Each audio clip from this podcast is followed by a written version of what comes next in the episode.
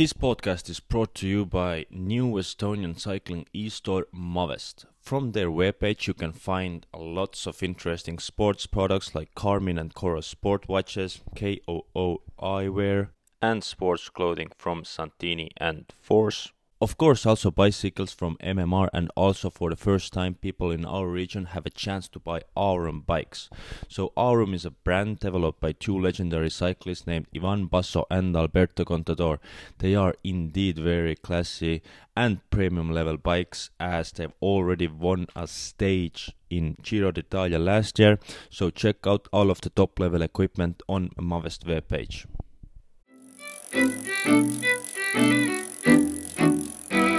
So, hello, we're here with uh, Australian professional cyclist Tiffany Cromwell. Uh, hi, Tiffany. Can I ask, where are you at the moment? Hi, yeah, I'm currently in Mallorca in Spain. Just had a training camp with my team, Canyon SRAM Racing, and but we're leaving today to head to the Middle East for the tour of UAE. Oh, awesome. The season is starting. Uh, it's um, lovely to hear for all the cyclists and the fans as well, I believe. But uh, today we are here not to talk only about um, you and your races, but also one uh, uh, cycling event that's going to happen in Finland this summer. First of all, can you maybe uh, talk how are you connected to Finland and then about this event as well? Yeah, so um, we have this gravel event called Finland Gravel in June 10th this year. Um, so obviously my connection to Finland is my boyfriend, Valtteri Bottas. And, you know, since I've been together with him, we spend, you know, we split our time between living in Monaco and going up to see his family in Finland. And, you know, it's such a beautiful country and a lot of nature. And yeah, one of our things that we do together are ride bikes and gravel bikes in particular. And yeah, we thought, you know, it'd be a great place to do a gravel event because obviously gravel is really booming right now particularly in America, but now it's coming to Europe. And yeah, so then we had some people who did an event in Colorado called SBT Gravel who reached out to kind of work together. And that's where all the beginning of the story starts for like creating a gravel event in Finland. Oh, it's very, very interesting and awesome. You have um, quite ambition, ambitious plan to get 1,500 people there and uh, how and uh, why do you think that Finland is maybe the best place to pull off such a big travel event in Europe that hasn't happened so far as as as I am aware? Yeah, I think in Finland, you know, it's one of those places that perhaps people don't think to go to first. Like if you think I want to go to Scandinavia, they normally go to Sweden or Norway or Denmark. But I think Finland is like is an untouched gem, and when people kind of discover the beauty of Finland, you know they'll want to come and try and figure out beauty there, why. Ankle is also a discipline where you get many people who are looking for the places less traveled. Um, so that's why we believe, you know, it's the perfect destination to bring people to discover Finland. And, you know, there are so many great gravel roads there as well. And it's quiet and yeah, we just want to share that with the people. And we believe, yeah, that and the networks of like the US gravel crowd and with Europe kind of growing and through our profiles on social media. Um, we think, you know, we hope that we are creating an event that makes people want to travel to Finland and discover what's so beautiful about it. I believe it's definitely poss- possible. I've been in Finland myself. Uh, unfortunately, not so much on gravel roads yet, but uh, looking forward to it anyway. But if we talk about gravel as a discipline itself, what do you think about it, and what's your personal, I don't know, uh, look into this? What do you think about gravel? Yeah, I think gravel in general is a very, very exciting discipline. Um, you know, it's been in the States for a number of years now, and they were at the forefront of developing this discipline. I think for many reasons, it was the mixture of on the roads in America. It's uh, not as safe to ride your road bike as it is, you know, being off on these quieter roads. Um, and their road series, unfortunately, over the years has kind of died event by an event, and it's becoming a much more criterium racing scene. So I think people are just looking for something different. They want to explore roads that were less traveled. Um, go to different places and that I think they're also just sick of regulations, you know, controlled by let's say the governing bodies and stuff like this. And and just wanted to get people together and have a great time and ride bikes. And that's kind of how it started. And step by step, it's then left America and, you know, gone to Australia. And Europe has been a bit further behind, I think, because it is a bit more traditional in cycling.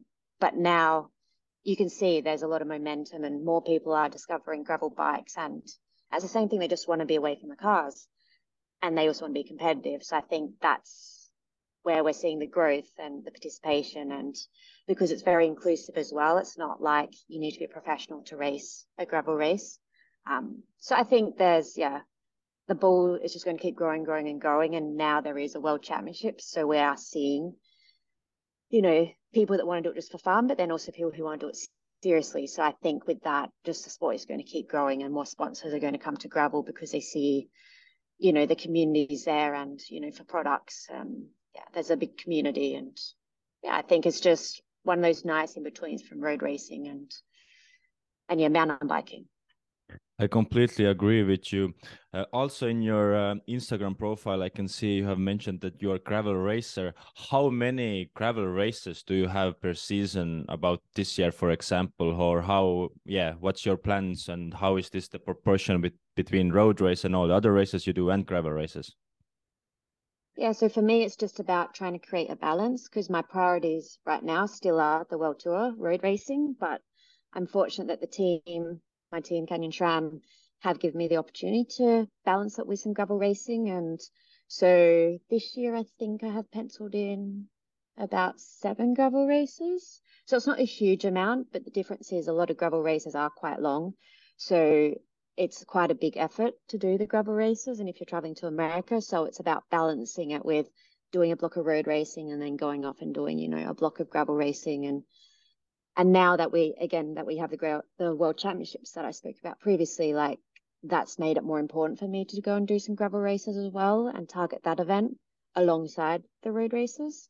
So for me, it's just nice that I have that outlet that I can go and race gravel because it's less stressful than like the road, let's say. You know, there's a lot of high pressure on road and the race is getting bigger and everybody wants to win. Whereas gravel, yeah, I want to be competitive, I want to win, but the whole atmosphere is just much more chilled and that's what's nice for me that it's kind of like mentally a nice thing to do in between all the road racing. Yeah that's very interesting that what i wanted to ask from you actually is that if you are a professional cyclist in a road race how much is it different from the gravel race and how do you approach those races? Or like yeah is there any other differences but basically yeah, there's definitely quite a few differences. For example, when I'm racing on the road, I'm racing as a team. Like my role is normally supporting my teammates because often I'm not the team leader. Whereas when I get to gravel, it is still much more individualized sport. Like there are a few teams popping up, but you still race more or less for yourself and you only think about for yourself. So when I go to the gravel, it's like, okay, I need to think in a different way. It's like, what's the best tactics for myself instead of thinking about, okay, how do I need to look after the team and make sure everybody does their roles. Um, and because the races are longer, it's you need to think about your fueling strategies better. Um, it's less uh, what's the word like up and down in terms of like the pace. Like gravel, I find is much more just you go hard and just keep going hard, like a like a diesel. Whereas in the road racing, you know, you got a tax, you got this and that. But um, and the unique thing with gravel is so often we're racing with the men as well. Like you start on the start line all together, you have your separate categories at the end, but yeah, it's like a combined category. So racing as a woman with that, it's just about hanging on to them for as long as possible. So then there's also less tactics and what you need in the road. But I think that side of things is starting to change and there is a bit more talk to have individual women's categories. So I think that will change the face of gravel racing a little bit, where it will require a bit more tactical knowledge instead of just being super strong and just you know riding and being the first over the line. So yeah, there's there's quite a few differences, and the other main one is you're more self-supported. Like you don't have the the team holding the bottles for you, the support car. If you have a puncture, like in gravel, you need to do that all yourself. Like there's aid stations at the event, but you have to be a a lot more reliant on your own skills to like, yeah, if you have a mishap that you need to sort that out yourself. Yeah, interesting, interesting times for cycling and travel. Uh, also, in this way, that this is really, um, yeah, uh, taking uh, lots of attention nowadays. Why should um, Estonian riders come to Finland, and what do you think it's gonna make this event special? Yeah, I think definitely for the Estonians, you know, it's obviously not so common to have a race so close to Estonia. Like you have the ferry you can go across or a short flight, and obviously the culture is quite similar. Um, you know, it's just a new place to discover. Like for me personally, I've never been to Estonia, so I don't know how your country is like, but yeah, just come and enjoy, you know, a great event with the Finnish people and many international people. Like we have people from all over the world coming to the event and yeah, and they, I think it's just a new challenge. You know, if you're looking for like something to challenge yourself, we have different course lengths. You know, the shortest is 47 kilometers. We have a 77 kilometer and 177 kilometer. So there are races for everybody. So it's like you don't need to be somebody who's riding all the time to come and do this race. Like you can be a family and bring it over for like a weekend holiday. Um, so yeah, I think for Estonia, you know, to have a race so close, like why not come over? It's it, it will be a really nice weekend, and we hope to do you know a lot of fun events around the race as well. Like there's talk of a Friday night time trial, I think it is, like a little prologue. Um, and then we're going to have some live music, some food carts, and things like this. So it's it's really an event to bring your whole family as well. So yeah, for the Estonian people, it's a perfect place for a little holiday. Yeah, I believe so too, and I really like how um, how professional everything is around this, and the web web page. You can see so much information about it already. I think that the map uh, routes are not completely fixed yet, but it's gonna be also be up soon, I think. And uh, yeah, I think it's uh, I think it's very interesting to have this kind of big event so close to Estonia and to be able to, yeah, uh, ride alongside with uh, you and many other professional uh, cyclists, probably. Yeah, exactly. And not only cyclists, obviously, we have Valtteri who will be racing himself as well. So it's a unique opportunity to come and meet an amazing Formula One driver. And we have, you know, the city of Lahti is really behind this event as well. So we've been fortunate to have that amazing support. And even, you know, the team we have helping build this event, they have a lot of experience in gravel racing. And the thing is that everybody has a really great time. Yeah, it sounds sounds very good. Uh, yeah, I think uh, for end, maybe I'm gonna ask again, like, what are your this season's plans in general? What are maybe the main targets for you, and how do you approach this uh, 2023 season? Yeah, so my 23 season is looking quite good so far. Um, we have the, yeah, it's starting very soon with the UAE tour, which is starting on Thursday. Um, and then we move to the classic. So for me, that's always my favorite part of the season. You know, races like Strade Bianche, Paris Roubaix, Flanders. Um, these are all major targets for me. And then we move to the gravel. Um, Unbound is always a very big and important gravel race. It's probably the most important on the gravel calendar. So I'll target that. And I do want to come and try and win Finland gravel as well. But, you know, I think we have quite a competitive women's field. So I'm sure that will be challenging. Then there's the Tour de France Femme, providing I get selected by our team to race that. It's, you know, it's the biggest race now on our calendar for women's cycling um, and also very important for the team and sponsors and then focusing on the world championships. So both on the road and the gravel, like yeah, particularly the gravel, I believe I have I can challenge for getting on the podium. So that's for me the big end of season goal.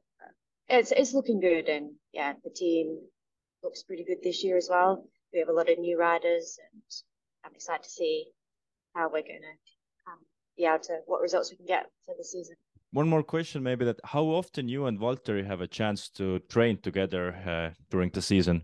Uh, we're actually fortunate we get quite a bit of time together. We balance our our schedules, you know, quite well. It means a lot of extra travel because I'll go to his races or he'll come to mine and time at home. But normally when we're together, we are always riding together.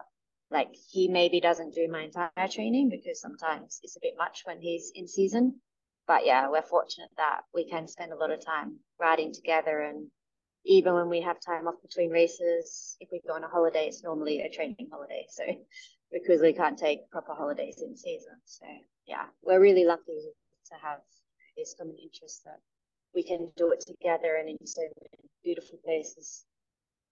Very interesting kind of life you you two have. I think that you're both racing, uh, one in the in the Formula car and uh, you on the bike, and then you also maybe uh, uh, give this experience to Valtteri a bit. But it, it has been a very nice uh, conversation with you. I thank you very much for your time. And uh, if there is anything else you want to say to Estonian uh, cyclists, people may, mainly, so then free, feel free.